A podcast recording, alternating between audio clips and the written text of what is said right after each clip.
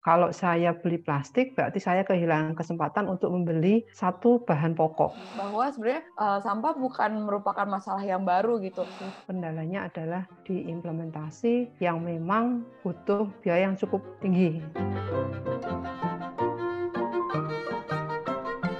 Podcast ini dibuat oleh Indonesian Future Leaders Chapter Malang dalam rangka Youthquake Environment 2020 disponsori oleh Buy and Donate dan bekerja sama dengan Demi Bumi Indonesia, ALSA Universitas Brawijaya, Young on Top Malang, Campus Update, ISEC Universitas Brawijaya, dan International Association of Students in Agricultural and Related Science Local Committee Universitas Brawijaya. Halo semuanya, selamat sore. Selamat datang di Youthquake Environment 2020 di mana kita hari ini bakal ngobrol mengenai manajemen sampah di Kota Malang. Nah, di sini aku udah berdua nih sama Bu Diana. Halo Ibu. Halo Ella, selamat sore. Selamat sore Ibu. Ibu mungkin uh, mau memperkenalkan diri dulu Bu. Oke, nama saya Kristia Mediana. Uh, saya saat ini sebagai uh, dosen di Universitas Brawijaya, khususnya di Fakultas Teknik jurusan perencanaan wilayah dan kota dan kebetulan saat ini uh, saya diberi tanggung jawab untuk mengelola program studi magister uh, eh, PWK ya perencanaan dan kota. Uh, bidang ilmu saya banyak terkait dengan teknologi lingkungan khususnya yang menyangkut uh, persampahan. Jadi bagaimana cara pengelolaan sampah yang baik, bagaimana pemanfaatan uh, atau Eh, kemungkinan-kemungkinan sampah itu dijadikan sebagai sumber daya seperti uh, listrik misalnya atau sebagai kompos dan lain sebagainya. Bu, jadi sekarang kita tuh uh, sore hari ini kita akan membahas mengenai suatu permasalahan yang sebenarnya bukan masalah baru, Bu. Jadi sebenarnya dari manusia yang zaman dulu itu kita tuh udah punya masalah dengan sampah. Gimana kayak hmm. contohnya pada zaman Romawi aja udah ditemukan uh, bongkahan-bongkahan persampahan uh, yang ternyata sampai sekarang tuh ditemukan dan uh, dari situ disimpulkan, di situ ditemukan bahwa sebenarnya uh, sampah bukan merupakan masalah yang baru gitu, melainkan merupakan masalah yang udah dari zaman dahulu, bahkan dari manusia zaman dulu pun udah uh, menganggap bahwa sampah adalah suatu permasalahan dan yang harus diperma, uh, harus diselesaikan. Tapi sebenarnya udah bertahun-tahun dari um, ditemukannya persampahan dari zaman Romawi dan artinya juga udah bertahun-tahun dari sampah tersebut dihasilkan. Tapi sekarang manusia zaman sekarang pun yang penelitiannya udah lebih maju, teknologinya lebih maju, tapi kita masih berkutat dengan masalah sampah gitu. Apalagi dengan adanya kondisi pandemi sekarang ini, eh, hmm. persampahan pun juga akhirnya menjadi permasalahan yang semakin um, semakin besar gitu ada yang bilang kalau adanya pandemi corona ini mengkonversikan polusi udara menjadi um, polusi daratan dan air juga karena hmm. sampahnya itu meningkat gitu. Nah Bu, mungkin uh, Ibu Diana sendiri mau memberikan pandangan Bu terkait dengan isu sampah ini Bu? Ya, uh, saya melihatnya kalau karena saya sudah hampir ya katakanlah hampir 15 eh, tahun lebih ya berkecimpung di uh, persampahan ya. Kalau saya lebih melihatnya bukan sebagai suatu permasalahan ya, uh, tapi tantangan ya. Karena sebenarnya sampah itu tidak hanya sesuatu yang tidak terpakai, tapi dia bisa kita sebut sebagai resources atau sumber daya kalau dikelola dan dimanfaatkan dengan uh, benar. Dan memang selama ada masih ada manusia, pasti selama itu pula sampah akan dihasilkan. Jadi kalau kita ingin mencegah sampah tidak mungkin karena semua kegiatan pasti akan menghasilkan sampah. Nah, berarti pendekatannya adalah bukan bagaimana mencegah sampah, tapi bagaimana sampah yang dihasilkan itu bisa bermanfaat uh, untuk kita semua. Dan memang saat ini dengan adanya teknologi sudah banyak eh, solusi-solusi uh, yang sebenarnya bisa uh, diimplementasikan ya baik di tingkat individu maupun di tingkat masyarakat sampai di tingkat uh, yang lebih tinggi lagi yang memang tujuan akhirnya adalah menanggulangi permasalahan sampah atau saya lebih uh, uh, lebih prefer menyebutnya uh, mengatasi tantangan uh, persampahan khususnya di Indonesia dan Kota Malang seperti itu ya. Itu itu Kak menurut saya. Itu. Ya. Oke Bu. Nah um, kalau misalkan Bu membicarakan mengenai target untuk pengelolaan sampah di Indonesia sendiri. Hmm. Um, ya. Mungkin Ibu pernah dengar ya Bu mengenai Indonesia bebas sampah Bu? Hmm.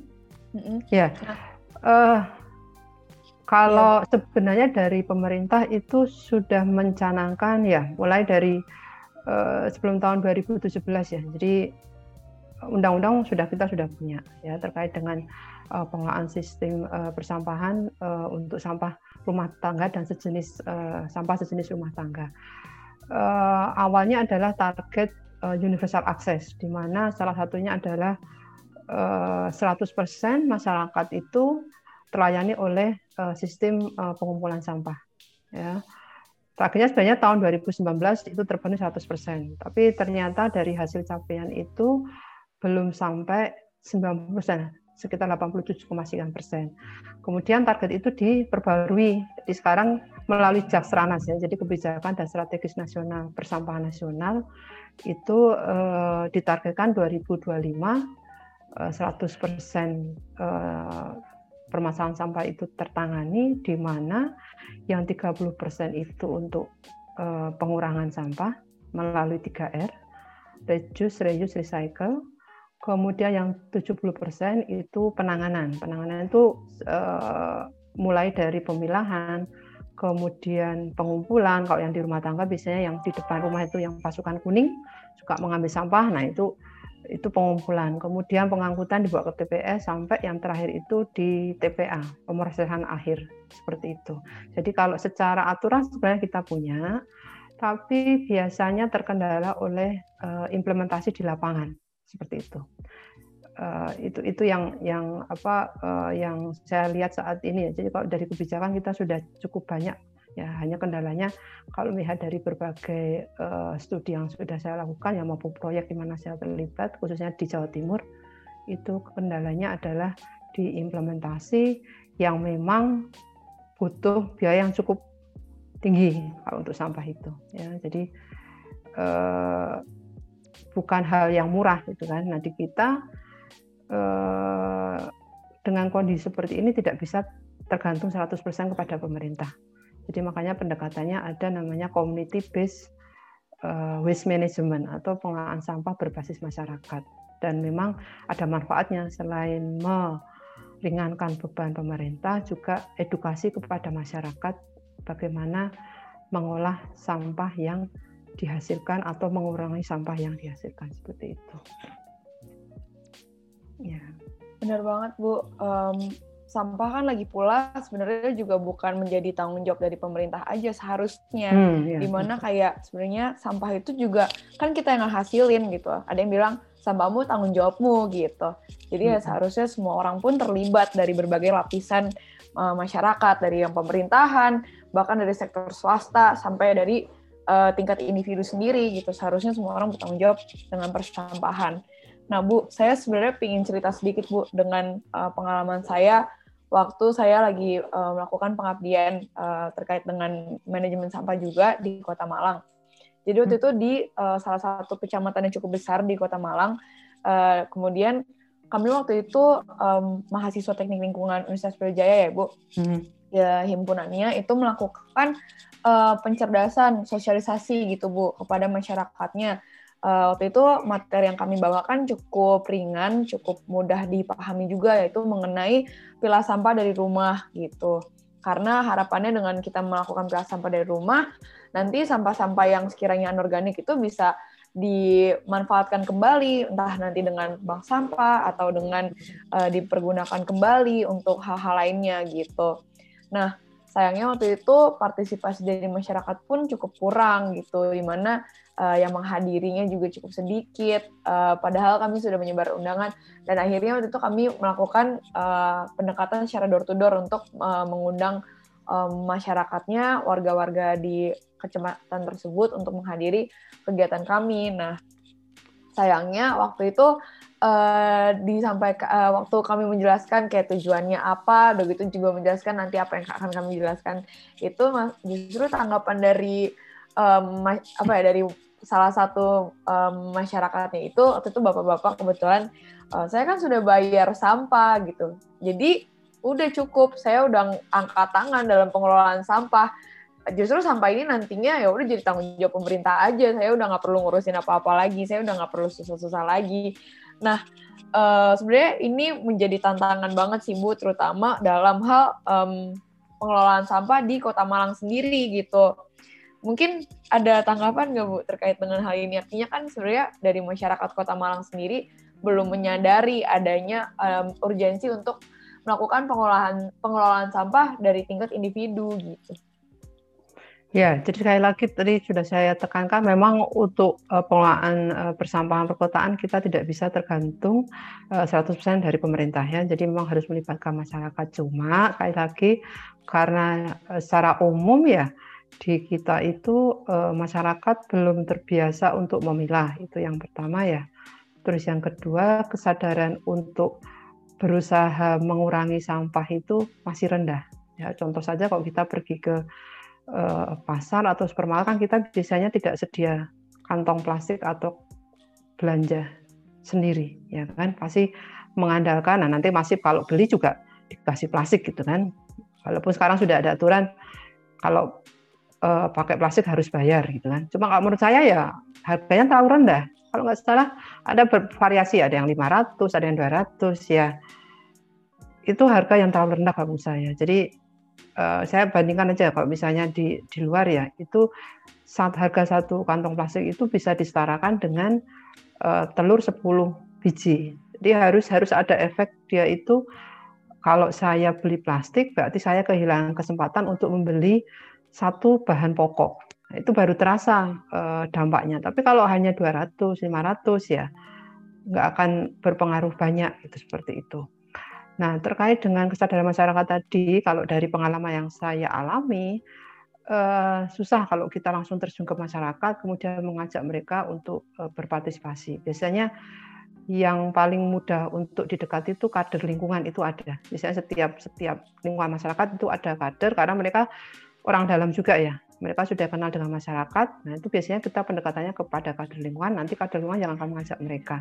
Umumnya kalau di kasus-kasus di kota ya, kalau desa eh, kita belum pernah eh, melakukan penelitian secara detail karena di desa itu sampah nggak terlalu bermasalah ya.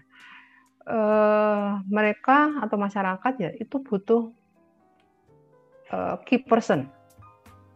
Jadi selama nggak ada penggeraknya, nggak ada key personnya, mereka tidak akan tergerak itu itu yang itu yang uh, saya amati karena ada kasus ya uh, bank sampah misalnya ya kan sekarang digalakkan setiap uh, kelurahan memiliki bank sampah. Uh, kita sudah membina sudah kadernya sudah aktif ya. Masyarakat juga aktif mengumpulkan sampah membawa ke bank sampah. Kemudian kader tersebut terpaksa harus pindah mengikuti suami ke kota lain. Nah begitu kader lingkungan itu sudah nggak ada di komunitas tersebut akhirnya mangkrak, nggak berjalan. Jadi memang di kita eh, hal-hal yang seperti itu ya yang terkait dengan apa namanya uh, movement ya, new movement ya atau gerakan yang sifatnya masih baru itu butuh harus ada kipersennya, harus ada kadernya yang selalu mendorong dan lebih baik dari orang dalam karena mereka sudah kenal dengan masyarakat dan masyarakat trustnya itu ada. Kalau kita langsung masuk kemudian mengajak mereka biasanya nggak akan nggak akan um, terlalu dihiraukan oleh masyarakat. Nah terkait dari pemain bapak tadi ya itu sebenarnya gambaran secara umum ya masyarakat uh, di Indonesia gitu kan jadi menganggap bahwa yeah. sampah itu bukan urusan saya. Ada istilah kalau akademik itu not in my backyard. Jadi hmm. nggak ada eh, uh, itu bukan masalah saya selama saya tidak melihatnya di halaman saya. Jadi terserah mau dibuang ke mana, yang penting saya nggak lihat di halaman saya. Nah, itu kita hmm. menyebutnya not in my backyard syndrome, artinya apa uh, uh, mindset yang melihat bahwa sampah itu akan menjadi masalah hanya selama saya melihat saya sampah itu ada di dekat kita. Tapi begitu begitu nggak terlihat, nggak ada, ya who cares? saya nggak peduli apakah itu nanti dibuang ke sungai atau dibakar dan sebagainya itu itu itu yang yang memang untuk kita butuh waktu mungkin satu generasi untuk bisa mengedukasi seperti itu ya ya butuh effort tapi lebih baik menurut saya dimulai dari sekarang gitu kan daripada tidak sama sekali mungkin kondisi Indonesia saat ini sama juga dengan Singapura ya beberapa puluh tahun yang lalu tapi dengan kampanye yang terus menerus dengan komitmen dari pemerintah maupun masyarakat, penggerak lingkungan dan sebagainya, mungkin suatu saat nanti itu bisa uh, berubah mindset tersebut seperti itu. Jadi jangan putus asa intinya.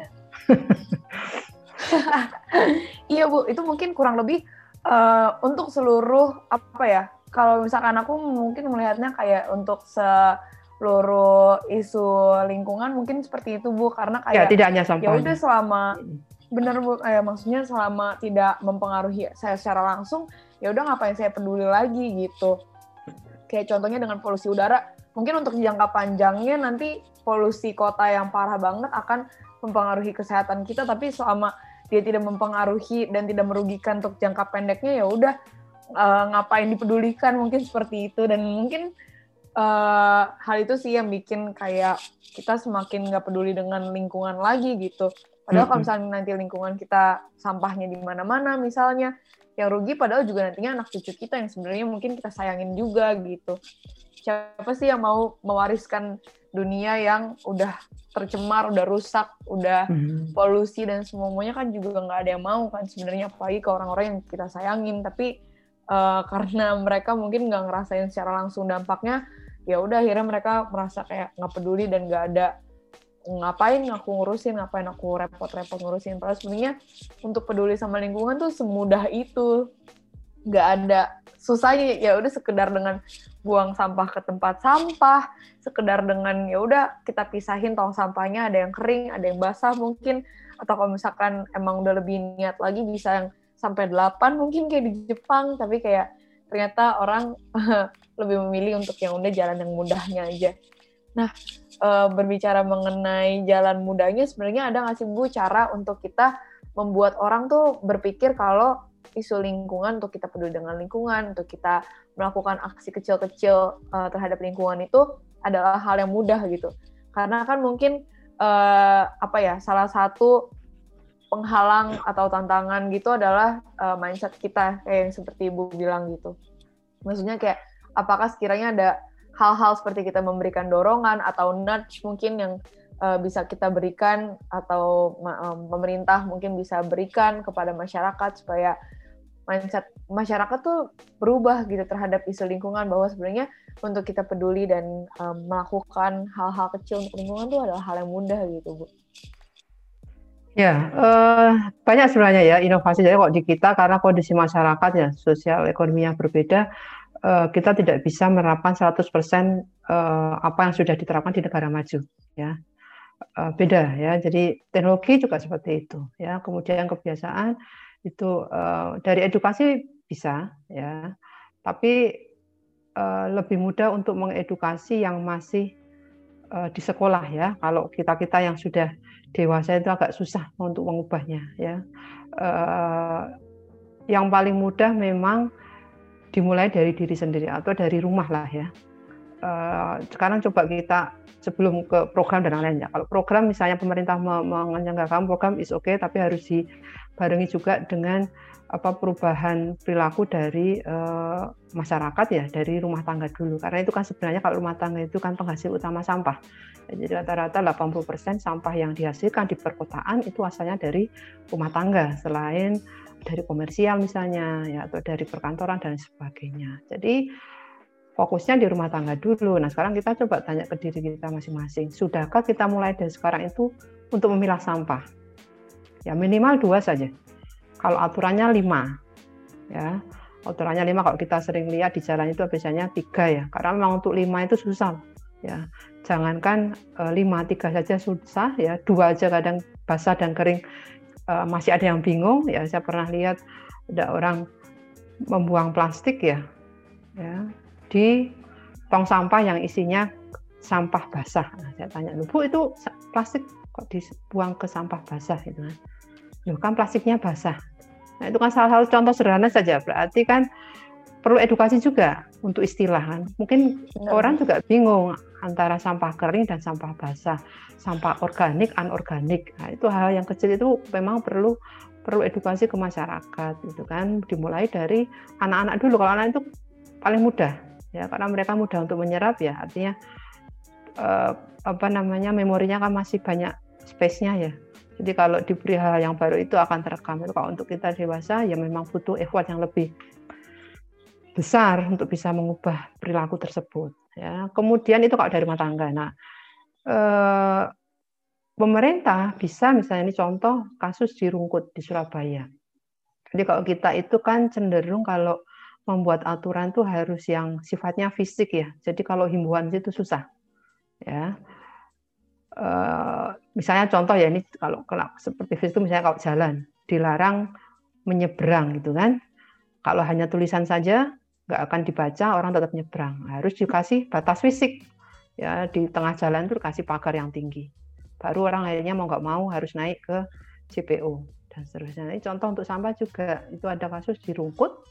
Ya itu gerobak apa namanya untuk pengumpulan sampah yang mengambil sampah setiap hari di rumah tangga itu dibagi dua dikasih sekat kalau yang umum kan nggak kotak saja gitu kan Nah, ini inovasi mereka ya sederhana sebenarnya, tapi itu memaksa masyarakat untuk memilah antara yang organik sama anorganik.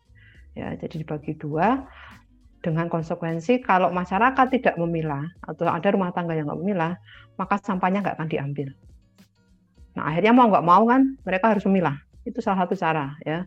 Ya memang sedikit ya memang memaksa, tapi kan memaksa untuk kebaikan. Jadi itu contoh-contoh hal yang bisa dilakukan. Itu yang tahap tahap atau lingkup yang kecil dulu ya itu kan butuh waktu juga nanti baru berikutnya ke tahap yang lebih besar lagi misalnya tadi penggunaan teknologi untuk apa namanya pengolahan sampahnya untuk komposting dan lain sebagainya tapi untuk ke sana ya karena perilaku eh, apa untuk mentreatment sampah itu kan berbeda-beda yang organik beda, yang anorganik beda, sampah plastik dengan kertas berbeda, maka harus berangkat dulu dari awal. Sampahnya harus dipilah terlebih dahulu. Nah, kalau itu sudah jalan, ke belakangnya mudah, mau dibikin kompos, mau dibikin untuk energi misalnya, ya, untuk insertor itu lebih mudah. Tapi kalau dari awal itu masih semuanya mix, masih campur, ya, ya susah seperti itu. Itu kalau terkait dengan pemaafan sampah.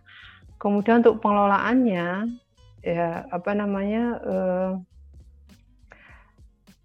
mungkin dari pemerintah ya lebih banyak menyediakan tempat sampah di tempat-tempat umum ya karena eh, di kita ya kalau misalnya nggak ada tempat sampah jadi alasan berarti boleh buang sampah sembarangan ya ini beda dengan perilaku masyarakat Jepang atau Korea Ya, sana itu namanya cari tempat sampah di tempatmu susah. Ya, saya pertama tadi heran, kenapa nggak ada tempat sampah? Ternyata perilakunya sudah sampai taraf kalau nggak ada tempat sampah, ya sampahnya kamu bawa. Sampai nemu tempat sampah baru dibuang. Nah, biasanya kalau di sana nggak ketemu ya di rumah hanya mereka buang. Dibawa pulang ya, Bu?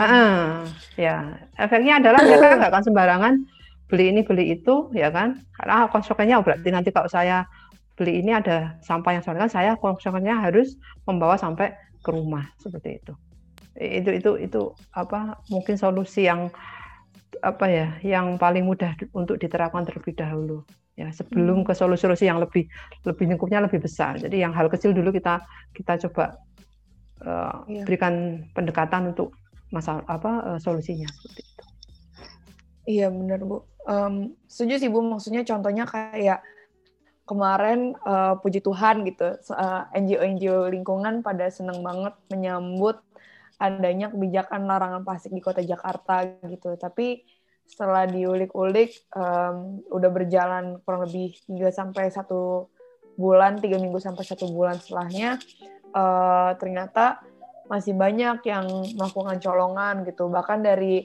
uh, ojek online pun justru mereka eh, nggak uh, suka dengan adanya kebijakan ini mungkin karena kurang pencerdasan dan seterusnya uh, dan mereka justru merasa uh, kalau ini justru merepotkan dan akhirnya mereka bawa sampah uh, apa ya kantong plastik sendiri dan justru kan itu kan bukannya itu malah menyalahi aturan yang ada maksudnya kayak bukan itu kan tujuannya tujuannya itu hmm. maksudnya untuk kita mengurangi gitu bukannya malah kayak kita melakukan usaha lebih untuk biar ada bisa tetap menggunakan plastik gitu.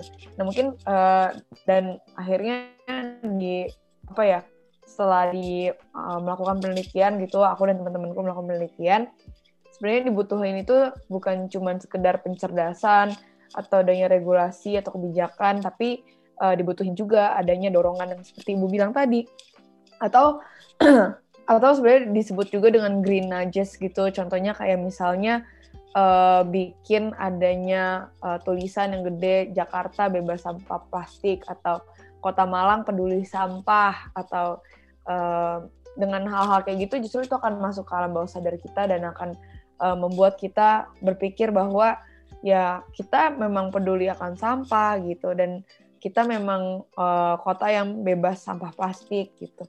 Dan dengan demikian mungkin kita menjadi uh, lebih melakukan lebih dari uh, yang sebiasanya gitu.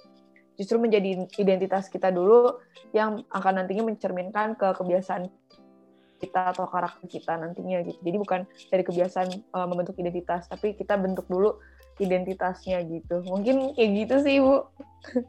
Iya kalau kalau apa uh, di kita ya salah satu cara untuk memaksa dan mendorong ya sekaligus memancing masyarakat itu uh, terkait pengelolaan sampah ya atau mengurangi sampah itu kan bank sampah itu sebenarnya itu inovasi ya. Karena uh, di negara Eropa nggak ada itu bank sampah. Jadi paling saya conference kemudian saya mengemukakan topik tentang bank sampah mereka pasti interest ya. Apa itu bank sampah gitu kan? Uh, itu cocok buat kita karena tadi kembali ke perilaku ya di kita itu kalau ada insentif yang terkait dengan uang pasti lebih tertarik ya. Daripada yang apa namanya kalau kita diminta melakukan sesuatu tanpa ada imbalan itu biasanya butuh effort yang lebih besar tapi kalau ada apa tadi uh, insentifnya berupa uang maka itu uh, keberhasilannya biasanya lebih besar daripada yang tidak ada. Nah bank sampah itu kan inovasi sebenarnya artinya masyarakat diminta untuk memilah. Nah sebagai apa namanya uh, imbalan istilahnya ya mereka dapat menukar sampah yang mereka pilah itu uh, dalam bentuk uang seperti itu. Dan sekarang banyak bank sampah didirikan ya, di kota-kota di Indonesia ya. Bahkan apa namanya eh, di setiap kelurahan itu ada. Itu seperti mm -hmm. itu. Di Kota Malang sendiri kalau nggak salah udah ada 600-an bank sampah sih Bu, unit bank sampah gitu.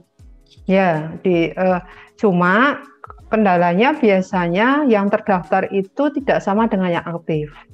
Oh, Jadi iya eh, pada akhirnya potensi untuk mengurangi sampahnya itu tidak bisa maksimal.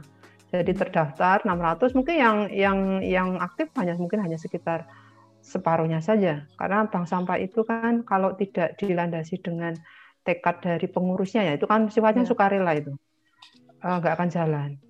Nah, biasanya kalau sudah di awal misalnya eh, komitmennya kurang itu nggak akan berumur lama. Itu tuh saya jumpa banyak kasus di Kota Batu, di Kabupaten Malang, di Mojokerto, di Gresik itu hampir semuanya mengalami permasalahan yang sama. Jadi terdaftarnya banyak, tapi eh, keaktifannya itu yang aktif ternyata jauh di bawah apa yang sudah tertera di apa namanya atau yang terdaftar seperti itu. Ya, tapi mudah-mudahan ke depannya hal tersebut bisa diperbaiki ya. Jadi memang harus ada ada apa namanya campur tangan dari pemerintah. Karena bank sampah itu kan sifatnya informal ya, di luar apa namanya eh, struktur untuk pengelolaan persampahan seperti iya. itu. Benar banget Bu, sebenarnya itu sih yang balik lagi ke yang kita bilangin ya Bu, bahwa hmm. sebenarnya untuk peduli sama sampah tuh mudah dan ternyata kita malah bisa dapat keuntungan juga kan, keuntungan secara ekonomis gitu dengan kita mengelola mengelola sampah kita dan kita menyetorkan ke bank sampah gitu. Ya. ya benar sekali seperti itu. Makanya potensi bank sampah ini harus benar-benar ditingkatkan ya. Karena e, kalau dikelola dengan baik dia bisa mengurangi sampah cukup signifikan ya. Kalau saya yakin kalau Kota Malang karena sering dijadikan sebagai e, apa namanya acuan ya atau referensi dari KLH, e, DLH sorry Dinas Lingkungan Hidup dari kota-kota yang lain ya uh, pengelolaan kalau di Bank Sampah Malang sangat bagus. Ya, jadi sudah profesional, punya pengurus sendiri, punya laporan keuangan yang bagus dan lain sebagainya. Itu bisa ditiru oleh kota-kota uh, yang lain seperti itu. Betul banget Bu, dengan adanya bank sampah itu bisa mengurangi uh, kurang lebih satu ton sih secara keseluruhan sampah hmm. gitu kalau di Kota Malang sendiri. Nah Bu, uh, mungkin kita udah banyak banget ngobrol mengenai apa sih yang seharusnya dilakukan oleh masyarakat maupun pemerintah Kota Malang. Tapi sebenarnya Bu, uh, sepenting apa sih untuk kita tuh melakukan pengelolaan sampah tersebut yang secara terpadu tadi itu gitu. Maksudnya uh, di Kota Malang sendiri ya Bu, apakah sebenarnya di Kota Malang sendiri kapasitas kita uh, untuk membuang lebih banyak sampah lagi itu udah banyak eh masih banyak atau udah uh, udah dikit lagi ya Bu? Karena kan ada kabarnya bahwa TPA Supiturang uh, tempat pemrosesan tempat pemrosesan akhir Supiturang yaitu TPA yang menampung segala sampah di Kota Malang itu ada informasinya gitu. Kurang lebih saya bacanya itu dua tahun yang lalu bahwa tahun 2020 akan penuh gitu. Namun uh, 2020 ini akhir ini kalau nggak salah uh, beberapa bulan lalu saya membaca lagi bahwa uh, nantinya akan tutup enam tahun lagi. Tapi sebenarnya yang benar yang mana sih Bu? Jadi maksudnya kayak seberapa uh, kapasitas TPA Supiturang lagi untuk menampung yeah. dan untuk melakukan pengelolaan sampah. Oke, kalau untuk kapasitasnya sendiri saya kurang tahu ya dari TPA Sepet kurang karena uh, untuk TPA Speed orang saya belum pernah terlibat langsung dalam suatu penelitian atau proyek ya. Tapi biasanya kalau usianya diperpanjang itu bisa jadi mereka melakukan pengembangan. Jadi lokasinya tetap, tapi luas untuk menimbun sampahnya di, di, di, uh, diperbanyak atau ditingkatkan. Ya, itu kalau mungkin kanan. Kalau ada berapa sebenarnya kapasitas yang masih bisa ditampung oleh TPA Speed orang, tentu saja dikembalikan ke perencanaan awal. Jadi kalau di, di Indonesia rata-rata ya eh, penentuan eh, lokasi TPA itu di awal tidak direncanakan secara eh, menyeluruh. Jadi harusnya ada hitungan ya. Ada hitungan kalau misalnya setiap hari kota A, misalnya Malang ya, menghasilkan sampah sekian ton. Berarti berapa lahan yang harus disediakan dalam hektar misalnya yang uh, untuk bisa menampung sampah sampai sekian tahun. Itu ada hitungannya. Nah, masalahnya uh, sebagian besar kota-kota ya di Indonesia tidak melakukan perencanaan seperti itu. Jadi hanya mengacu pada oh ada lahan kosong sekian dibuat TPA, kemudian dioperasikan sampai sekian tahun. Sudah. Padahal bisa jadi misalnya direncanakan 10 tahun, tidak mempertimbangkan sampah yang dihasilkan per orang per hari itu berapa. Berarti satu kota itu akan menghasilkan berapa per tahun. Belum kalau jumlah penduduknya tambah, berarti jumlah sampahnya juga tambah. Itu semua kan pakai perencanaan, pakai proyeksi berdasarkan data yang ada sebelumnya, database yang ada sebelumnya. Nah, kelemahan kita adalah database-nya itu tidak bagus.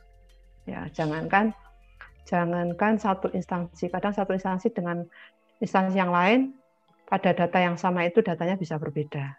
Jadi kalau kita ingin merencanakan dengan baik TPA-nya ya ya harus direncanakan dengan baik pula terkait dengan tadi jumlah sampah yang akan dihasilkan sampai sekian tahun itu berapa sehingga bisa tahu oh berarti TPA-nya nanti hanya sampai tahun 2025 misalnya. Sehingga setelah itu mendekati akhir 2025 harus sudah siap-siap mau dibawa mau dipindah ke mana nih TPA mau tetap di situ. Kalau di situ berarti ada teknologi kita namanya refuse derived fuel atau bahan uh, eh, PLTS ya pembangkit listrik tenaga sampah. Jadi di, digali uh, eh, TPA-nya diambil plastiknya karena kapasnya nggak akan hancur.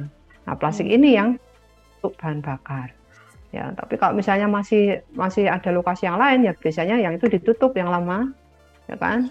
Diambil biogasnya, kemudian membangun di wilayah yang baru. Nah, kalau Kota Malang saya kira lokasinya karena di kota ya eh, makin lama karena makin habis itu lahannya.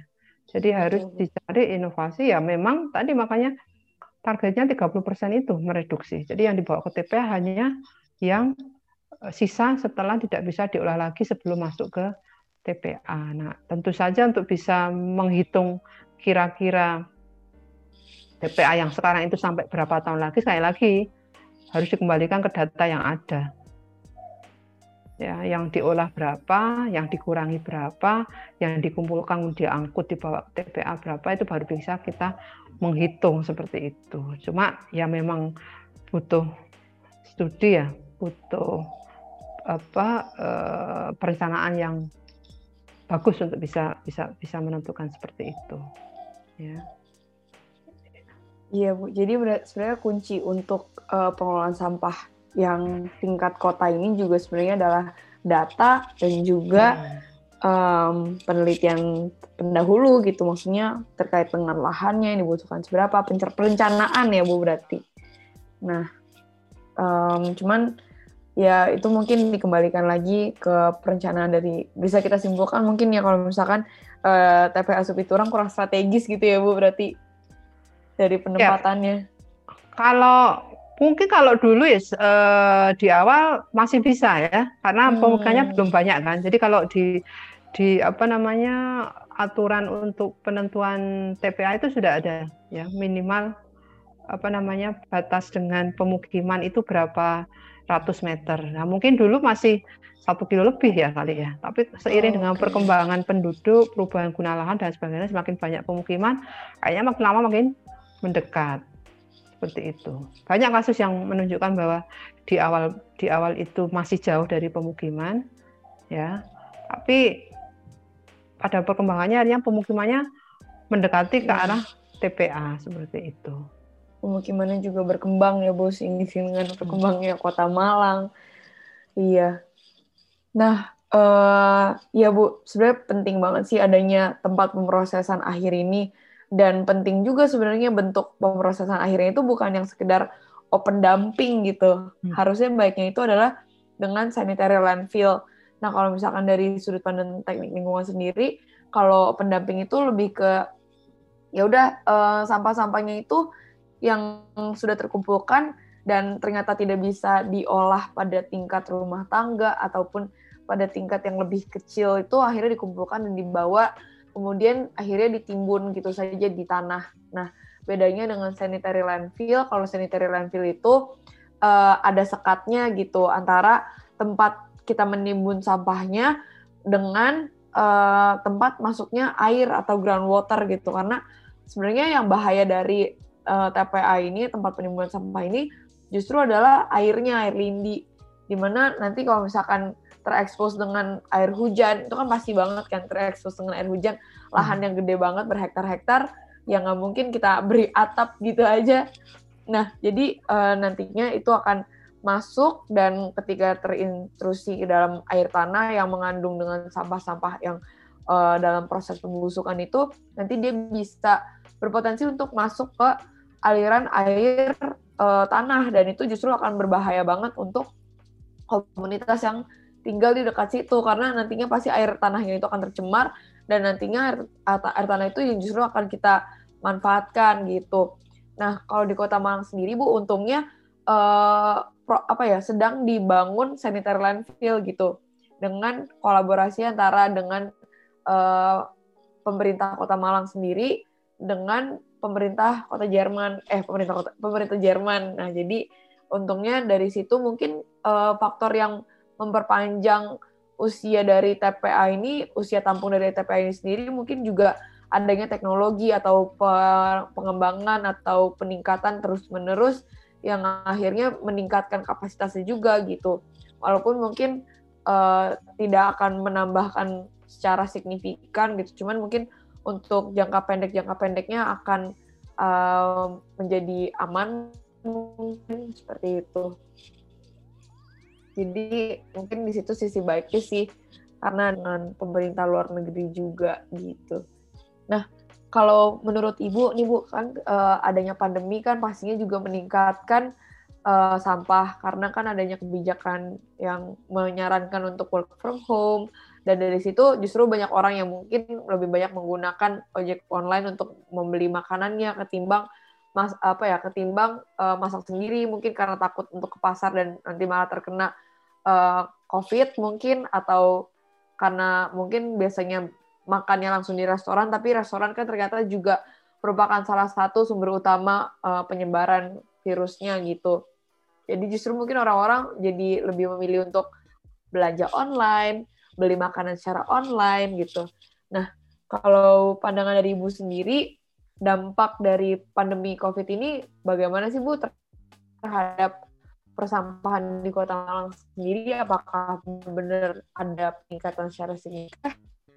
Nah, benar atau tidaknya harus ada penelitian dulu ya. Jadi ini ini uh, sebenarnya uh, dari lab ya lab jurusan itu kita punya rencana untuk melakukan penelitian tersebut ya before and after. Jadi sebelum berarti sebelum bulan Maret sampai menjelang akhir tahun kita ingin melihat perbedaan uh, pola konsumsi kemudian juga jumlah sampah yang dihasilkan oleh masyarakat uh, di Kota Malang. Nah, itu, itu itu yang mau kita lakukan. Jadi kita ingin mengkonfirmasi apakah memang benar terjadi peningkatan uh, jumlah sampah ya secara akumulasi ya artinya um, bisa jadi mungkin mungkin uh, hasilnya sama, hanya sampahnya hanya pindah dari kantor ke rumah. Tapi kalau diakumulasi tetap sama jumlahnya mungkin karena kebiasaan kita makan siang di kantor, ya kan, rapat di kantor, ya kan, ada konsumsi sekarang pindah ke rumah. Ya mungkin di kantor berkurang, tapi yang di rumah bertambah. Jadi uh, akumulasinya tetap sama, hanya pindah tempat saja. Itu itu yang kita harus harus konfirmasi dulu. Itu saja harus perlu penelitian ya. Uh, yang jelas memang kalau kalau yang biasanya kita masak ya kan itu akhirnya kan banyak yang beli ya. Bisa jadi itu uh, hipotesa ya bisa jadi itu memberi kontribusi ke jumlah sampah yang dihasilkan khususnya yang anorganik. Karena berarti kan kemasan ya seperti itu. Nah, eh, kalau di saya membaca ya dari beberapa penelitian yang paling baru di negara maju memang ada peningkatan yang cukup signifikan terkait dengan sampah kemasan ini. Ya, eh, cuma begini kalau di di negara maju ya, saya yang saya tahu di Austria ya, eh, konsekuensinya adalah karena mereka menghasilkan sampah lebih, maka mereka akan membayar lebih. Jadi itu yang yang mungkin di eh, di kita harus juga diubah sistem pembayaran atau iuran sampah itu. Ya, kita belum menggunakan prinsip yang namanya polluter pay principle. Jadi prinsip yang memberi kontribusi membuat polusi dalam hal ini menghasilkan sampah ya, eh, itu harus membayar lebih. Ya, jadi kalau saya menghasilkan hari ini 3 kilo sampah, sedangkan tetangga saya hanya satu kilo, kemudian tuh secara akumulasi satu bulan saya menghasilkan lebih banyak, maka harusnya saya membayar lebih besar dibandingkan tetangga saya. Itu yang diterapkan di negara maju. Jadi kalau di sana rekening untuk sampah itu kayak listrik, naik turun, fluktuatif. Ya, sehingga orang akan efeknya ke psikologis ya. Sehingga orang efeknya kan sama kalau kita listrik ya. Kalau pas tahu-tahu loh tagihannya kok tinggi sekali. Oh berarti nanti berhemat. Sudah sekarang lampu kalau nggak perlu jangan dinyalakan gitu kan itu efeknya sebenarnya kalau untuk sampah seperti itu dia akan berusaha untuk meredam ya atau mengurangi jumlah sampah yang dihasilkan. Nah kalau pandemi kayak gini solusinya ya memang e, kalau dari dari dari yang hasil studi itu ya mereka lebih banyak memasak di rumah, bukan bukan membeli apa namanya bukan membeli e, kusen atau membeli dari luar ya. Walaupun tetap ada yang membeli ya, tapi uh, apa namanya tadi harus siap dengan konsekuensi di akhir bulan itu rekening untuk sampah mereka pasti akan naik. Seperti itu. Nah di kita semua kalau kita lihat hampir sama ya. Satu perumahan itu kan sudah uang iuran sampah kebersihan dan sebagainya ya. Keamanan ya. Katakan 50 ribu ya antara satu rumah dengan rumah yang lainnya sama. Padahal bisa jadi satu rumah isinya enam orang satu rumah yang lain hanya dua orang. Kan pasti jumlah sampahnya sudah beda tapi iurannya sama. Nah itu itu sebenarnya bisa diterapkan di kita ya. Terus terkait dengan pemilahan ya. Terkait pemilahan itu bisa diterapkan mungkin ya. Sistem pengambilan yang berbeda ya eh, jenis sampahnya untuk setiap hari. Jadi dijadwal hari Senin misalnya khusus untuk gelas. Hari Selasa misalnya khusus untuk kertas. Atau organik tiga hari sekali. Ya mau nggak mau kita harus memilah. Karena begitu si tukang sampahnya lihat loh hari ini jadwalnya mengambil kertas, kenapa yang ditaruh di depan itu organik? Nggak akan diambil? Yang kita dipaksa untuk melakukan itu. Itu seperti itu. Itu ya. Jadi kalau untuk pandemi sekali lagi saya saya belum bisa kalau untuk kota eh, kasus di kota Malang ya atau Indonesia itu saya belum bisa apa namanya mengkonfirmasi apakah terjadi kenaikan jumlah sampah secara akumulatif atau tidak. Tapi kalau secara rumah tangga atau individu bisa jadi ya. Hmm. Ya, karena biasanya di kantor ya kan. Kalau dari saya misalnya rapat itu kan apa namanya eh, makan siang di sana. Sarapan hmm. kadang juga di kantor. Sekarang semuanya dari mak sarapan, makan siang sampai makan malam itu di rumah. Belum kalau males masak beli yang apa namanya GoFood atau GrabFood gitu kan. Mm kalau iya, akumulatif, kalau, kalau akumulatif harus dicek dari secara keseluruhan. Iya. Bisa jadi tadi gudogannya adalah pindah dari kantor sampahnya pindah ke hmm. rumah gitu kan. Hmm. Tapi sistem yang tadi bu yang ada um, menselang-selingkan sampai diambil itu mungkin bisa jadi solusi juga ya bu dari uh, biasanya kan kayak, duh ngapain sih pilah sampah susah-susah di rumah? Nanti pada akhirnya juga bakal dicampurin lagi di truk sampahnya gitu kan bu. Ya itu. Makanya kan seperti itu harus harus jalan bareng kan di dari bawah sampai ke atas kan mm -hmm. uh, ya nggak bisa jalan sendiri-sendiri iya bener bu mm -hmm. sebenarnya kalau di kota Malang saya nggak tahu sih bu cuman uh, dari yang saya baca di Kabupaten Malang itu ada peningkatan sih bu dari sampah uh, rumah tangganya gitu katanya um, ada peningkatan hingga 5 sampai 10%. Jadi kurang lebih dari yang biasanya hmm. cuman 115 eh ada peningkatan tuh menjadi 115 eh, tonan sehari gitu. Karena adanya pandemi ini, Bu, gitu. Yang dibawa ke TPA ya? Mm -mm, yang dibawa ke TPA. Cuman waktu itu saya pernah ngobrol juga dengan petugas sampah uh, yang biasanya ngangkut sampah di kosan. Jadi uh, katanya kalau misalkan yang di itu jadi biasanya uh, beliau muterin satu komplek gitu satu area perumahan uh, waktu itu kebetulan yang di area Suhat dan kemudian uh, dia bilang gitu biasanya kalau misalkan dulu truk. Nah tapi kalau sekarang cuma satu truk aja yang sampai yang diangkut gitu. Mungkin faktor yang mengimbangkan jumlah sampah ini juga karena mahasiswanya pada pulang kali ya bu. Karena UB kan mahasiswanya wah banyak banget kan bu. Dan hmm. justru gara-gara pandemi akhirnya dipaksa buat kuliah online dan mungkin banyak yang justru kuliahnya dari rumah gitu. Mungkin itu juga jadi faktor yang mengurangi sampah kota Malang. Ya jadi makanya harus dicek dulu secara akumulatif iya, kan. uh -uh. nah bu uh, berbicara nih bu tentang mahasiswa. Mungkin kan uh, apa ya mahasiswa nih bisa dibilang agent of change gitu kan bu. Banyak lah julukannya gitu. Kalau menurut Ibu sendiri, apa sih Bu peran mahasiswa pen, uh, yang bisa dilakukan mahasiswa terhadap dengan uh, pengelolaan kota uh, pengelolaan sampah sendiri terutama di Kota Malang?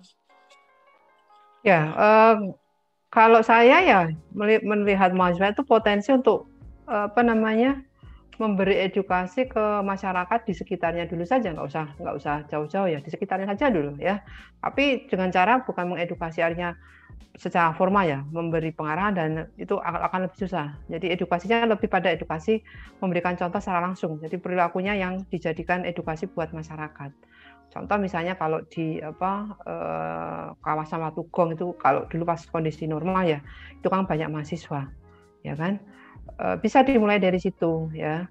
Eh, bagaimana mereka mencoba untuk apa namanya memilah sampah misalnya ya kan? Kan biasanya kalau kos-kosan juga berkaitan dengan rumah penduduk juga kan. Jadi mengedukasi melalui perilaku kalau itu saya. Jadi mahasiswa punya potensi yang besar di situ ya.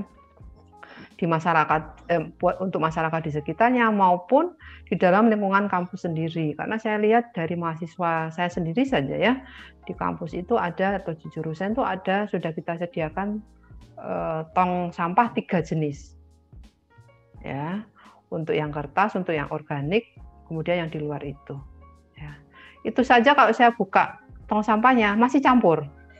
Hmm. saya berkali-kali kalau di kelas saya selalu pesan, tolong dipilah, dipilah, dipilah. Tapi ya memang susah kan? Jadi itu Iya, itu itu hal yang kecil dulu aja. Kalau misalnya dari situ mahasiswa sudah bisa paling nggak dia memberi contoh ke adik kelasnya lah ya. Ya.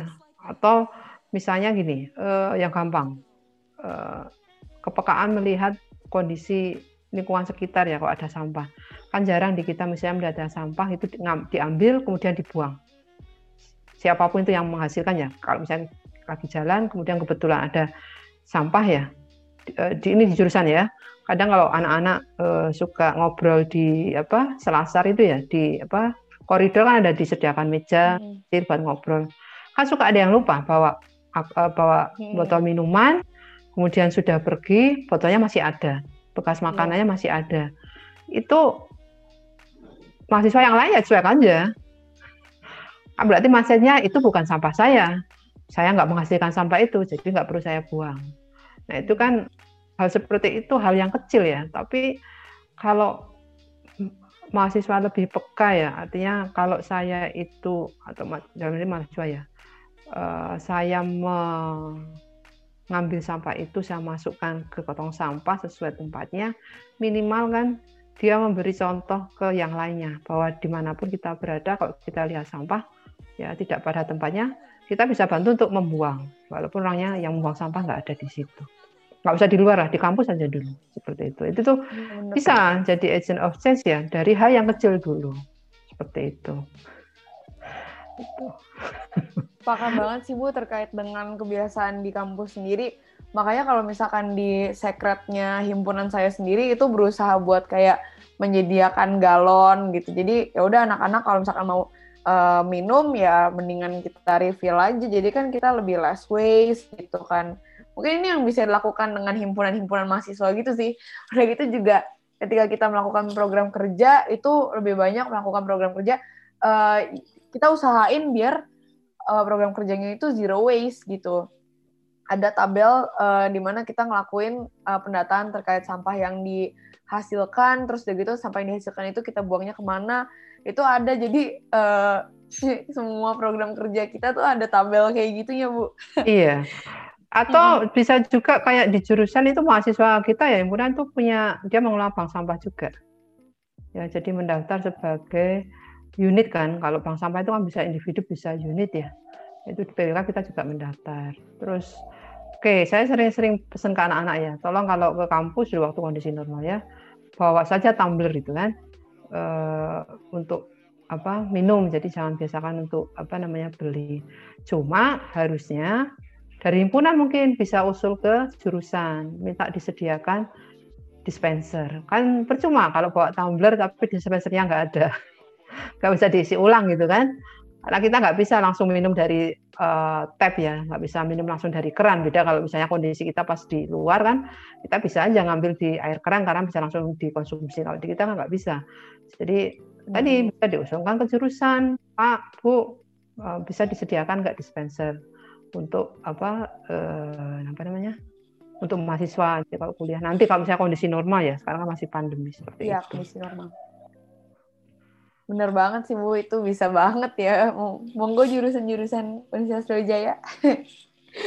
Biar nanti kayak kampus-kampus lain ngelihat UB terus jadi kayak wah keren banget Brawijaya bisa kayak gini, terus ikut-ikutan kan bagus juga ya efeknya jadinya agak-agak berantai. Iya. Nah, eh iya sih Bu bener banget emang peran mahasiswa penting juga dan eh, ya kita berharap semoga mahasiswa juga bisa jadi teladan ya untuk mahasiswa sendiri. Mungkin perlu kalian nanti kalau misalkan ada kayak pendidikan karakter atau ospek-ospek itu juga memperhatikan bagian lingkungannya gitu. Jadi kayak kalau misalkan ada makan bersama terus kayak oh jangan sampai food waste gitu. Atau kayak misalnya bikin eh, kan biasanya kalau ospek tuh suka ada kayak pernak-perniknya gitu. Ya udah nggak usah bikin pernak-pernik lah karena nanti ujung-ujungnya lo akan buang gitu. Ya, mungkin kalau Iya. pas yang ordik ya, pas ordik itu mahasiswa bisa diminta untuk bikin pernak-perniknya itu justru dari sampah misalnya. Oh bener banget. Jadi recycle ya Bu malahan. Ya. Itu itu bagus sih Bu. Saya sepakat dengan itu karena kalau misalkan yang sekarang kayak bikin ini tempel tempel tempel wah kalau ospek saya kan gitu ya Bu ya. Nggak tahu sih kalau di teknik seperti apa tapi kalau yang di saya sih kayak gitu. Dan kurang apa ya pada akhirnya dibuang aja gitu. Terus kayak aku juga mikir sayang juga ya ini sebenarnya duit juga gitu. Tapi iya. sayang. Nah mungkin bisa dari kayak hal-hal kecil kayak gitu sih dari kayak ospek kegiatan perkuliahan yang akhirnya uh, membentuk kebiasaan. Dan dari kebiasaan membentuk karakternya mahasiswa juga yang jadinya lebih rajin gitu Iya mungkin kurang lebih gitu sih kalau misalkan dari yang mahasiswa uh, bener banget sih bu. Iya mahasiswa itu sebenarnya potensial kalau, sebenarnya ya. Iya bu banyak yang bisa dilakuin sama mahasiswa. Nah itu kan kalau misalkan yang mahasiswa bu, kalau misalkan dari segi yang individu gitu kira-kira apa sih bu bisa dilakukan oleh kayak individu-individu gitu? Uh, kalau individu ya. Kalau saya uh, yang paling gampang saya lagi tadi coba memilah ya. Saya terbiasa di rumah ya. Karena saya hampir sekitar tujuh tahun ya saya di luar ya di Eropa ya. Jadi mau nggak mau itu dipaksa untuk memilah. Ya walaupun kalau di sini nggak nggak sebanyak di sana ya. Di sana itu botol pun dipisah berdasarkan warna kan. Ya putih, hijau sama coklat ya. Kemudian kertas juga, kertas karton, kertas newspaper sama yang kertas putih itu juga dipisah. Jadi kita terbiasa untuk memilah kadang sampai 10 lebih ya. Pulang ke sini ternyata semuanya mix kan. Cuma karena sudah terbiasa ya uh, saya nggak bisa ya. Mau nggak mau harus saya pilih minimal antara yang organik sama yang anorganik. Itu saja dulu coba dimulai di setiap rumah tangga. Hmm. Ya walaupun kita jangan melihat oh nanti kan dicampur lagi kita melihat ke manfaat kita sendiri ya ada ada manfaatnya kalau kita memilah ya organik itu kan hmm. sifatnya berbeda dengan yang anorganik ya organik itu kan dalam hitungan hari saja sudah terdegradasi kan kita tahu dari baunya misalnya ya kan ya. nah kalau kita memilah ya yang organik itu mau nggak mau setiap hari kan kita buang harus kita buang supaya di rumah itu nggak bau gitu kan Iya. Yang anorganik itu bisa kadang sampai seminggu, ya kan? Karena jumlah sampahnya juga lebih banyak yang organik hmm. daripada yang anorganik. Jadi dengan memilah itu pertama tadi kita menghindari bau yang tidak sedap di rumah. Yang kedua kita menghemat tempat plastik untuk sampah. Karena biasanya kalau sekarang kan sudah umum ya di rumah tangga itu pasti kan disediakan kantong plastik untuk sampah. Yang organik kita cukup pakai yang uh, plastik kantong plastik bekas ya, yang kecil karena setiap harus hmm. hari harus kita buang. Sedangkan yang organik kita bisa pakai yang lebih besar, itu bisa sampai satu minggu. Karena botol bisa kita press, kertas bisa kita sobek-sobek. Berarti kan kita menghemat penggunaan plastik untuk kantong sampahnya. Dan Benar. setiap hari itu ya rumah kita jadinya nggak bau, nggak bersih, bersih ya, nggak hmm. bau, bersih ya karena sampah sampah organiknya berarti pagi itu pasti setiap pagi itu pas sudah saya buang jam 5 itu sudah harus dibuang karena biasanya tukang sampah sudah lewat jam jam setengah enam itu sudah mulai lewat. Jadi hmm. dan plastiknya juga juga kecil kan. Jadi lebih menghemat. Kita nggak perlu nggak perlu beli plastik uh, setiap saat dan kalau dicampur tuh apa ya? Kalau bahasa sendiri agak jijik ya.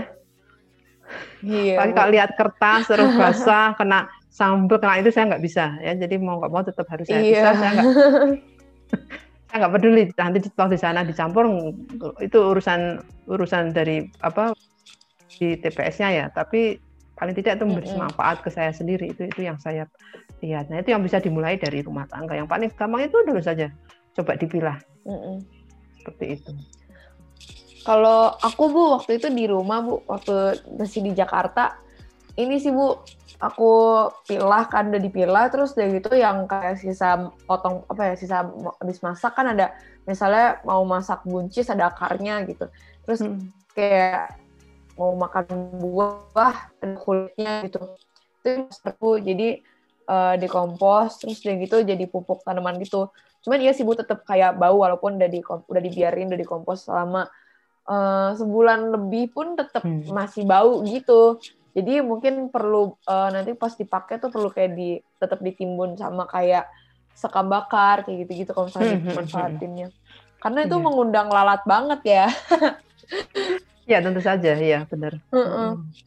Gitu bu. Jadi uh, mungkin alternatifnya kalau misalkan emang yang suka berkebun bisa dijadiin kompos gitu karena komposnya hasilnya tuh juga ada dua gitu ada yang kompos padat yang bisa kita taruh di potnya gitu. Ada juga yang kompos cairnya dan yang kompos cairnya kalau misalnya kita larutin dalam air itu uh, yeah. lumayan menyuburkan tanaman gitu sih. Jadi uh, mungkin bagus juga buat yang suka berkebun bisa bermanfaat buat yang yeah. organiknya ini. Terus kalau organiknya uh, gimana, Ella? Kalau misalkan di rumah Ibu Diana sendiri untuk mm -hmm. sampah anorganiknya biasanya diapain Bu? Apakah dibuang atau dimanfaatkan kembali atau distorkan ke bank sampah gitu Bu? Uh, enggak, kalau di saya ya uh, saya pilah ya, biasanya yang botol hmm. itu itu saya sendirikan ya, kemudian yang dus juga saya sendirikan apa kar eh, karton ya. Itu hmm. biasanya saya berikan ke apa tukang sampah karena dia oh. dia itu juga uh, apa namanya menjual. Hmm. Jadi di, di TPS-nya di TPS di sekitar sofa itu memang sudah ada yang pengumpulnya ya. Jadi nanti uh, dan tukang sampahnya itu memang seneng kalau dikasih dikasih apa namanya uh, sampah yang masih bisa dijual hmm. lagi. Hmm. Biasanya yang yang kalau yang seperti itu saya sendirikan ya uh-uh. kayak apa namanya karton tadi saya lipat biasanya saya buka saya lipat jadiin satu saya ikat yang botol juga seperti itu jadiin satu tapi hmm. saya nunggu kan karena kalau sampah karton sama botol kan nggak nggak setiap hari yang ya, banyak itu kalau anorganik di rumah ya apa namanya plastik gitu hmm. ya karena di apa namanya eh, beli kemasan apa eh, makanan ya itu kan pasti ada plastiknya kemasan Hmm. Kemudian sekarang kan kita sering beli online itu pasti kemasannya juga plastik. Yeah. Ya. Itu itu itu yang biasanya yang banyak itu. Ya, tapi kalau karton, botol ya itu uh, selalu saya kumpulkan sampai ya sebulan lah biasanya. Baru saya berikan ke apa namanya tukang sampah. Kalau mengolah sendiri saya belum kalau yang organik ya atau hmm. menggunakan kembali. Yang organik sudah, tapi khusus untuk yang apa namanya tanaman.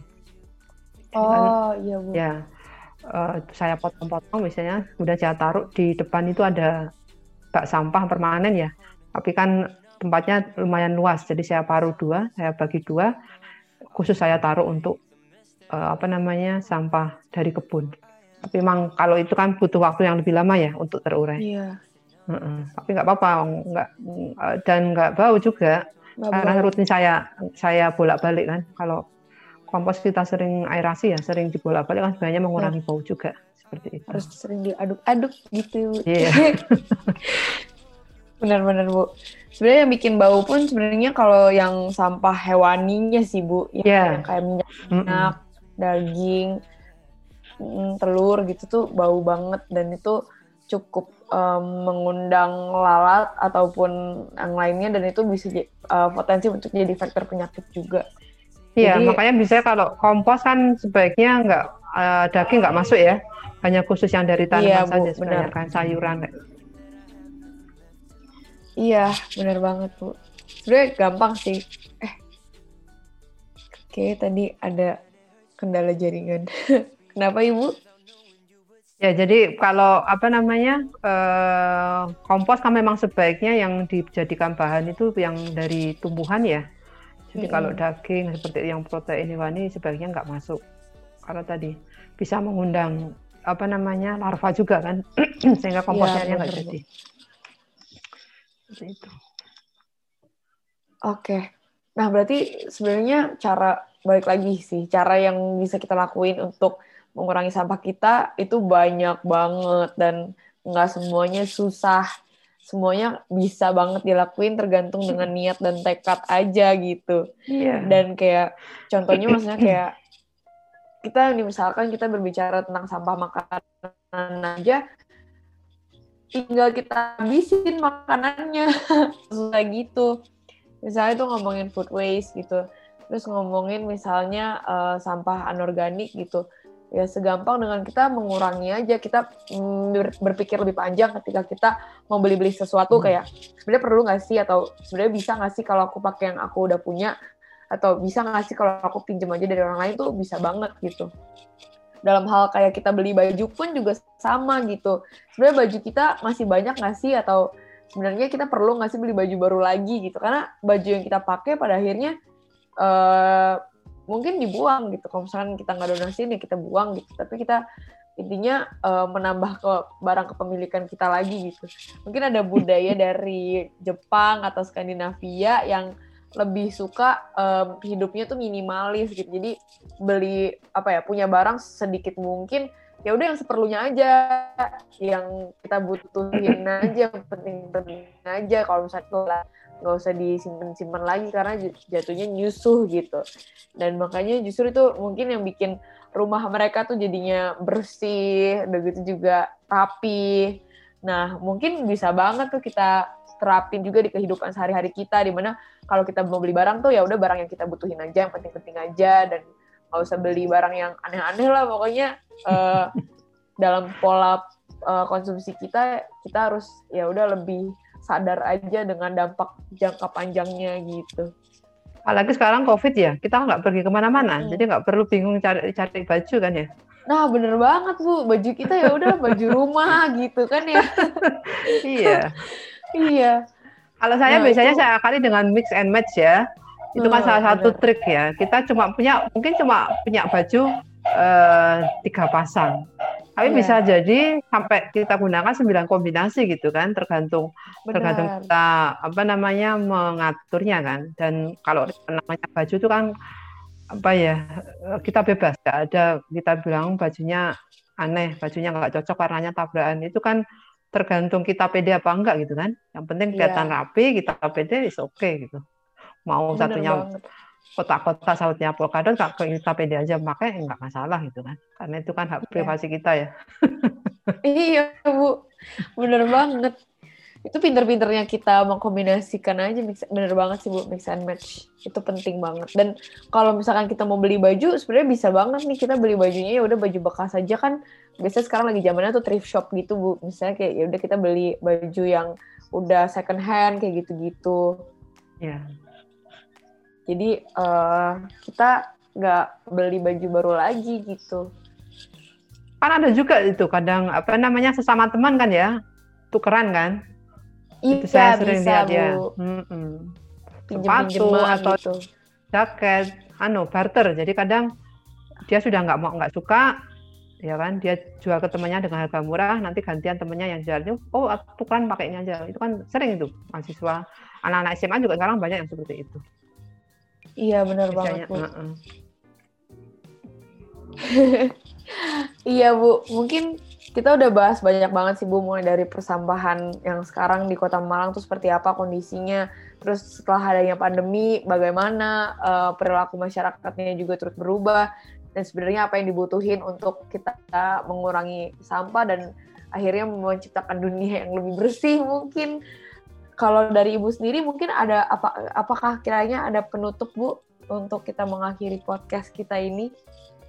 Ya uh, kalau dari saya ya saya pesan ya ke semuanya lah uh, mau yang masih mahasiswa atau yang masyarakat umum uh, biasakan untuk lebih aware ya dalam mengambil keputusan apakah tindakan saya atau tindakan Anda itu akan menghasilkan sampah atau tidak kalau misalkan menghasilkan sampah minimal ya kita jangan memberi beban lebih ke lingkungan. Itu saja. Karena lingkungan kita itu sewaktu-waktu juga akan eh, terbatas kapasitasnya. Tidak akan lagi mampu eh, menampung semua sampah yang kita hasilkan. Jadi dimulai dari diri kita sendiri ya. Setiap saat kalau kita menghasilkan sampah langsung mindsetnya kalau ini saya buang sembarang kalau ini tidak saya olah maka akan memberi beban ke lingkungan. Nah, siapa nanti yang akan terasakan dampaknya?